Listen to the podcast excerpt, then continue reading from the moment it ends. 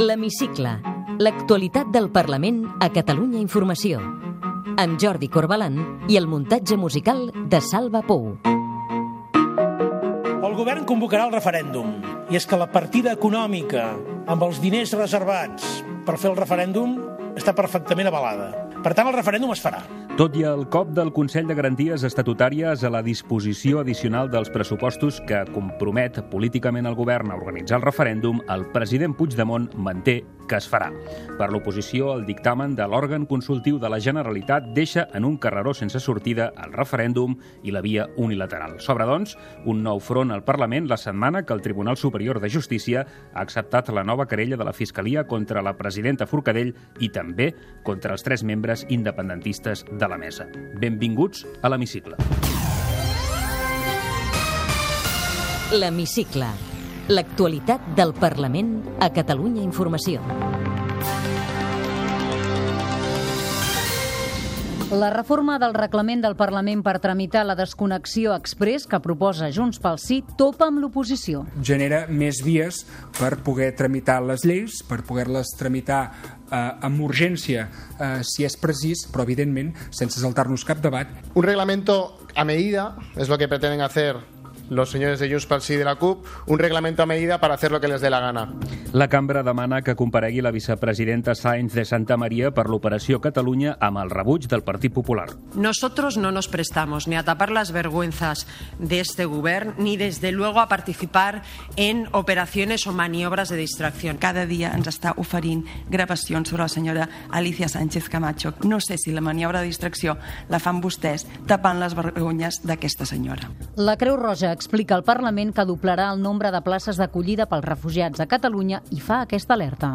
Pensem que, que el combat de les idees no està guanyat. No tothom està a favor de l'acollida de refugiats i això no vol dir que siguin males persones qui no hi estigui.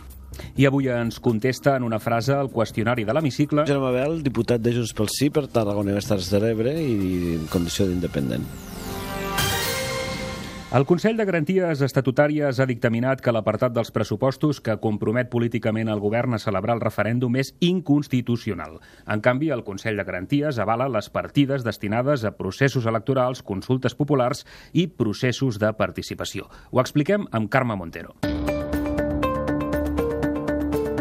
Una setmana abans d'exaurir el termini, el Consell de Garanties ha emès el dictamen que van sol·licitar Ciutadans, el PSC i el Partit Popular sobre els pressupostos. El Consell troba inconstitucional la disposició addicional 31ena que compromet el govern, dins les disponibilitats pressupostàries per aquest any, a habilitar les partides per organitzar i gestionar el procés referendari sobre el futur polític de Catalunya en el marc de la legislació vigent en el moment que es convoqui. Segons aquest òrgan consultiu de la Generalitat, aquest apartat no s'ajusta a la Constitució ni a l'Estatut, perquè actualment la llei no reconeix a la Generalitat la potestat de regular ni convocar aquesta consulta referendària.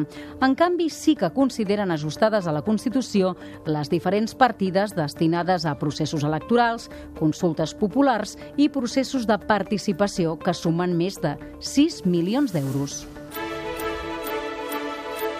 Després de conèixer el dictamen del Consell de Garanties, el govern referma el seu propòsit de celebrar el referèndum mentre l'oposició avisa que no hi ha lloc per la unilateralitat. El president de la Generalitat, Carles Puigdemont, deixa clara la voluntat del govern de convocar el referèndum. El govern convocarà el referèndum.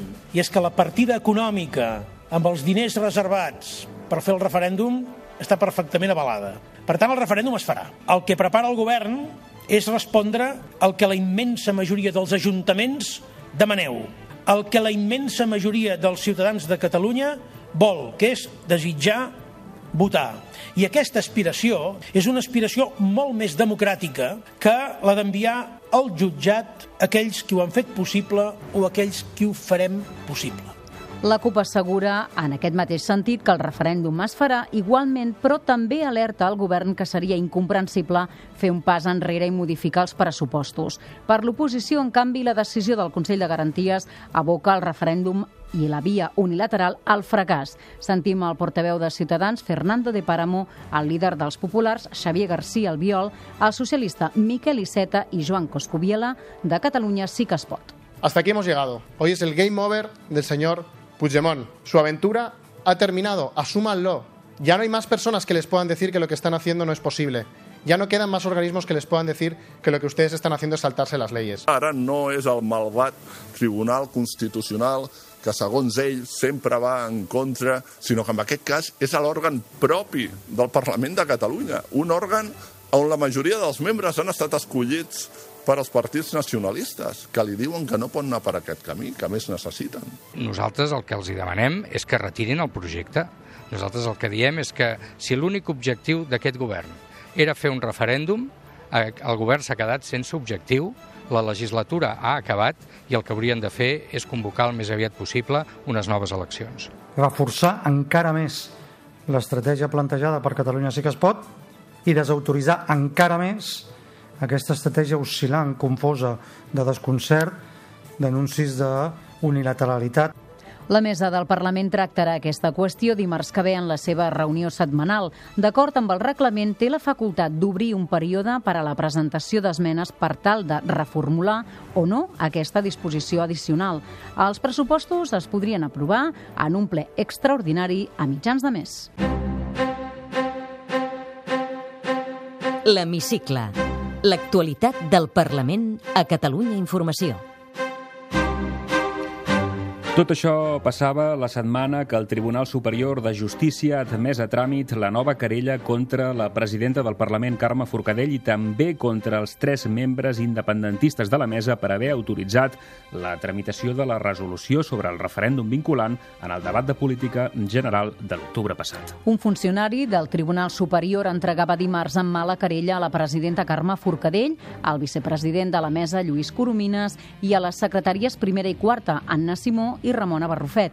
La sala d'admissió, seguint la petició de la Fiscalia, ha acceptat que aquesta nova causa no s'investigui per separat, sinó que s'acumuli a la que ja instrueix contra Forcadell la magistrada Maria Eugènia Lagret per la votació de les conclusions de la Comissió d'Estudi del procés. Els querellats preparen les al·legacions per presentar-se abans que aquest dilluns acabi el termini. La via judicial no atura la política. Junts pel Sí prepara el terreny per una eventual aprovació express de la llei o lleis de desconnexió al Parlament. Dimarts presentaven una proposta de reforma del reglament de la cambra perquè el ple pugui aprovar proposicions de llei sense cap més tràmit parlamentari quan ho demani un grup. L'oposició ho rebutja de ple. Aquesta és una prerrogativa que fins ara només té el govern i que s'aplica en casos excepcionals, és a dir, en lleis que requereixen una tramitació urgent i que compten amb un ampli consens parlamentari. En el cas de les proposicions de llei per tramitar-les en lectura única cal que les firmin tots els grups. Junts pel Sí proposa que a petició d'un sol grup el ple pugui acordar la votació en lectura única d'una proposició de llei, tal com ja poden fer al Congrés i a algunes cambres autonòmiques. Aquest procediment express restaria marge de reacció a l'Estat si es tramités la convocatòria del referèndum per aquesta via. El diputat de Junts pel Sí, Roger Torrent, defensa la proposta més enllà que pugui servir per aprovar la llei de transitorietat. Nosaltres volem igualar els drets dels grups parlamentaris amb els del govern, des del nostre punt de vista, genera més vies per poder tramitar les lleis, per poder-les tramitar eh, amb urgència eh, si és precís, però evidentment sense saltar-nos cap debat i en qualsevol cas amb la participació de tots els grups parlamentaris. L'oposició en bloc pensa oposar-s'hi. De fet, Ciutadans, el PSC i el Partit Popular han demanat a la mesa que reconsideri l'admissió a tràmit condicionada de la proposta. Sentim Fernando de Páramo, de Ciutadans, el popular Alejandro Fernández, Joan Coscubiela, de Catalunya sí que es pot, i el socialista Ferran Pedret. Un reglamento a medida es lo que pretenden hacer los señores de Junts pel Sí de la CUP, un reglamento a medida para hacer lo que les dé la gana en el Parlament. Alguns, amb una suposada jugada d'astúcia, continuen fent el mateix que han estat fent fins ara, que és fer de trileros eh, polítics intentant enganyar la gent. Podrien enganyar algun incaut, però és evident que els partits polítics de l'oposició no ens enganyen. Nosaltres no avalarem de cap de les maneres i intentarem evitar de totes totes que amb l'excusa de les astúcies en lloc d'enganyar l'estat espanyol, es burli el poble de Catalunya i es degradi a aquest Parlament. Havent viscut modificacions molt recents al reglament, no ens sembla ara que hi hagi una necessitat específica. Junts pel Sí ja ha presentat un escrit complementari a la mesa on reformula la petició de reforma del reglament en el marc d'una ponència conjunta de tots els grups. El grup que dona suport al govern no ha comptat amb la CUP per impulsar aquesta iniciativa. Amb tot, el diputat Benet Salelles deixa clar quina serà l'actitud dels copaires. Arribats al moment, prendrem les decisions que s'hagin de prendre amb tota la convicció, amb tota la fermesa i amb tota l'actitud desobedient que ens caracteritza. L'Hemicicle. El Parlament a Catalunya Informació. I en aquest context, Carme, el ple de la setmana que ve votarà la creació de la comissió d'investigació sobre l'anomenada Operació Catalunya a proposta del grup parlamentari de Junts pel Sí. Sí, Jordi, dimecres la cambra ja va acordar que compareguin davant la Comissió d'Afers Institucionals la vicepresidenta Soraya Sainz de Santa Maria, el cap de gabinet de Rajoy, Jorge Moragas, el delegat del govern espanyol a Catalunya, Enric Millo, i els comissaris Villarejo i Martín Blas. La petició d'aquestes compareixences també les va fer Junts pel Sí i va rebre el suport del PSC i de la CUP. Durant el debat hi va haver un creuament de retrets entre populars i independentistes. Sentim la diputada del PP Esperanza García, la copaire Anna Gabriel i David Bombay de Junts pel Sí. Estos señores del gobierno están mirando de reojo para que el señor Montuy no hable y reconozca que Convergencia se ha financiado irregularmente los últimos 40 años, pues eh, se hace esta proposición de estas comparecencias y, por tanto, nosotros no nos prestamos ni a tapar las vergüenzas de este govern ni, desde luego, a participar en operaciones o maniobras de distracción. Maniobra de distracció deu ser la que insten vostès quan tenim un mitjà de comunicació d'àmbit estatal que cada dia ens està oferint gravacions sobre la senyora Alicia Sánchez Camacho, que va, sembla que va mentir en comissió d'investigació, cosa que vostès haurien de saber també que està perseguit a nivell penal. No sé si la maniobra de distracció la fan vostès tapant les vergonyes d'aquesta senyora. Sí que l'única que fa cortines de fum és tot el que està sortint del Partit Popular i de les diferents, de les diferents vergonyes que han intentat aquests últims anys, entre elles doncs, destruir la sanitat catalana o menysprear els càrrecs institucionals i els càrrecs de govern que no comparteixen el seu ideari polític. El Partit Popular va votar en contra de les compareixences, mentre que Ciutadans i Catalunya sí que es pot es van abstenir perquè entenen que s'han de fer a la comissió d'investigació sobre l'operació Catalunya que es crearà en el pròxim ple. D'altra banda, la mesa donava llum verda dimarts a la creació de la comissió d'investigació sobre les actuacions del govern per preparar la secessió sol·licitada per Ciutadans, el PSC i el Partit Popular arran del cas Santi Vidal. A tot això hi afegim que el grup parlamentari de la CUP Crida Constituent ha denunciat aquesta setmana davant la mesa del Parlament una campanya de criminalització del Partit Popular i del govern espanyol contra la seva formació. En un escrit adreçat al màxim òrgan de govern del Parlament, la CUP parla d'una campanya d'increpacions, desqualificacions insults i posen com a exemple les afirmacions que van fer els representants del grup popular a l'últim ple relacionant-los amb la violència. El diputat Benet Salelles hi veu una clara intencionalitat política política. Com que aquest escenari doncs, comença a derivar molt no? cap, a, cap a insistir en una vinculació que no té cap fonament i que és totalment incerta entre la CUP i la cultura de la violència, a nosaltres ens fa sospitar que hi ha una voluntat del govern de Madrid de criminalitzar la CUP per poder-la, eh, via doncs, aquestes clavegueres de l'Estat que comencem a conèixer, doncs, esborrar-la del mapa per, via, per, per vies no democràtiques. L'Hemicicle. El Parlament a Catalunya Informació. La Creu Roja treballa per doblar aquest any el nombre de places de primera acollida a Catalunya pels refugiats que demanen asil polític. Actualment en tenen 156, repartides per Barcelona, Sant Feliu de Llobregat, Berga, Girona, Tarragona i Lleida. El coordinador de la Creu Roja a Catalunya, Enric Morista, explicava dijous a la Comissió d'Acció Exterior i Cooperació que l'any passat van atendre 1.640 sol·licitants d'asil que havien arribat pel seu propi peu a Catalunya. La Creu Roja és una de les set entitats que acull els refugiats quan arriben a Catalunya.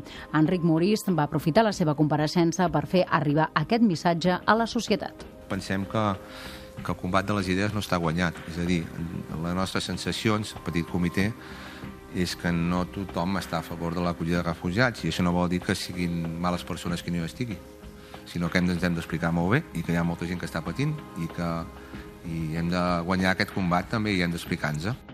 I la presidenta Carme Forcadell rebia també dijous els representants d'una altra ONG que treballa en el rescat dels refugiats que intenten arribar per mar a Europa.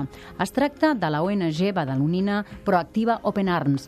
El seu director, Òscar Camps, li va demanar que les institucions catalanes facilitin que els seus cossos d'emergències puguin ajudar-los. Ens agradaria poder incorporar algun, algun bomber de la Generalitat o algun mosso que pogués venir a alguna missió amb nosaltres per, per, per compartir l'experiència, perquè creiem que també doncs, eh, és, professionalment eh, està fent salvament al mig del Mediterrani Central és una ocasió mm, que poques vegades tindràs, no?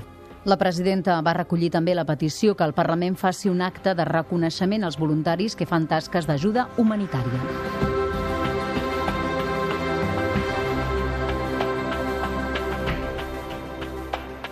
L'Hemicicle. El Parlament a Catalunya Informació. Teniu dret a defensar uh, el vostre lloc de treball, teniu dret a estar aquí, perquè el Parlament és la casa de tots i espero i desitjo que us vagi molt, molt, molt i molt bé. Era la presidenta del Parlament dirigint-se als estibadors portuaris que dijous es manifestaven a les portes del Parlament. Els seus representants van compareixer davant la Comissió de Treball de la Cambra per explicar el conflicte que viu el sector. Els estibadors van deixar clar que són els primers que volen complir la sentència de la Unió Europea i avenir-se a reformar la legislació espanyola sobre l'estiva, però adverteixen que, tal com el govern espanyol ha plantejat el decret, els aboca al conflicte. Sentim Albert Gil, portaveu dels estibadors. Aquest decret llei que diu és, és que vol matar el sector portuari, vol desregularitzar-lo i vol que les empreses que venen aquí a, a invertir eh, treballin amb mà d'obra precària, saltant-se tots els temes de prevenció que s'hem estat treballant durant tots aquests anys. Els estibadors han desconvocat la vaga prevista per la setmana que ve després que la majoria de grups s'han compromès a no convalidar al Congrés el Reial Decret del govern espanyol. Aquesta setmana ens han cridat l'atenció més coses que s'han dit a les comissions parlamentàries. L'Hemicicle. L'actualitat del Parlament a Catalunya Informació. Han començat les compareixences davant la Comissió d'Economia que tramita la proposició de llei sobre l'impost dels béns de luxe no productius. El govern planteja canvis en l'impost que van pactar Junts pel Sí la CUP per facilitar l'aprovació dels pressupostos. La directora general de tributs, Marta Espasa, considera que l'impost no hauria de gravar els contribuents no residents a Catalunya. Des de la CUP, Benet Salelles li va replicar. Com a contribuent, creiem que haurien de ser les persones jurídiques amb domicili fiscal a Catalunya per evitar problemes amb la LOFCA i altres eh, condicionants. Aquesta mesura ha de tenir una visió, és a dir, qui té aquests béns a Catalunya ha de tributar perquè aquests béns són a Catalunya amb independència de la localització del seu domicili eh, social i per tant bé, des d'aquesta perspectiva obrirem un debat també s'ha parlat de medi ambient. El conseller de Territori i Sostenibilitat es comprometia dimecres al Parlament a enllestir aquesta legislatura el document de bases que ha de servir per elaborar la futura llei catalana de biodiversitat. Josep Rull va defensar davant la Comissió de Territori que el Parlament legisli a través d'una proposició de llei per posar en marxa, com abans millor, l'Agència Catalana del Patrimoni Natural. Nosaltres considerem com a govern essencial i inajornable crear una estructura sòlida, única, integrada, estable i adaptada als nous temps, amb un finançament no només pressupostari, sinó estable i garantit. I la directora general d'Agricultura, Teresa Masjuan, compareixia dimarts davant la Comissió d'Agricultura per explicar les noves actuacions per lluitar contra el cargol poma al Delta de l'Ebre. La responsable del departament va explicar que aquesta temporada també es controlaran els moviments dels planters d'arròs i la higiene de la maquinària agrícola. Masjuan va anunciar també que posaran en marxa una campanya de comunicació adreçada especialment als agricultors sobre el cargol poma i les mesures per combatre'l. Qualsevol persona que passeja pel Delta ha de saber què és el cargol poma i per tant eh, per això doncs, treballem aquestes mesures de divulgació doncs, perquè una mala praxis no ens faci més malbé a, a tota l'estratègia. Té la paraula Soc Germà Bel, diputat de Junts pel Sí per Tarragona i Terres de l'Ebre i en condició d'independent.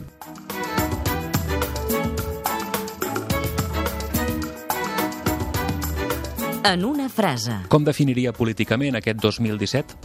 Bueno, un any de gran navegació. Com creu que l'acabarem? Millor del que la van començar. Referèndum o referèndum? El referèndum o referèndum és el compromís del govern i del Parlament de Catalunya. Serà més difícil fer el referèndum o gestionar l'endemà? Serà més difícil fer referèndum que gestionar l'endemà. N'espera alguna cosa de l'operació Diàleg? No. Vostè, que ha voltat molt pel món, com creu que ens veuen a fora? No crec que ens miriguem massa perquè Catalunya és algo molt petit. Una Catalunya independent podrà pagar les pensions? Sí, millor de les que les està pagant ara, perquè mm, no m'agrada molt parlar en aquests termes, però els contribuents i pensionistes catalans paguen les seues i una part de les de la resta d'Espanya. Els més rics han de pagar més impostos? Sí, sí. Se'n beneficien més dels serveis de l'Estat en general i, a més, per una qüestió de reduir desigualtats. De quina tasca se sent més orgullós d'haver-hi contribuït des que és al Parlament? D'intentar que, tot i que el Parlament de Catalunya és un Parlament que té molt poques competències substantives, hi ha una relació entre el que es decideix i el que passa, que no sempre en parlaments amb poques competències hi ha relació entre el que es decideix i el que passa. I quina llei li agradaria més aprovar aquesta legislatura?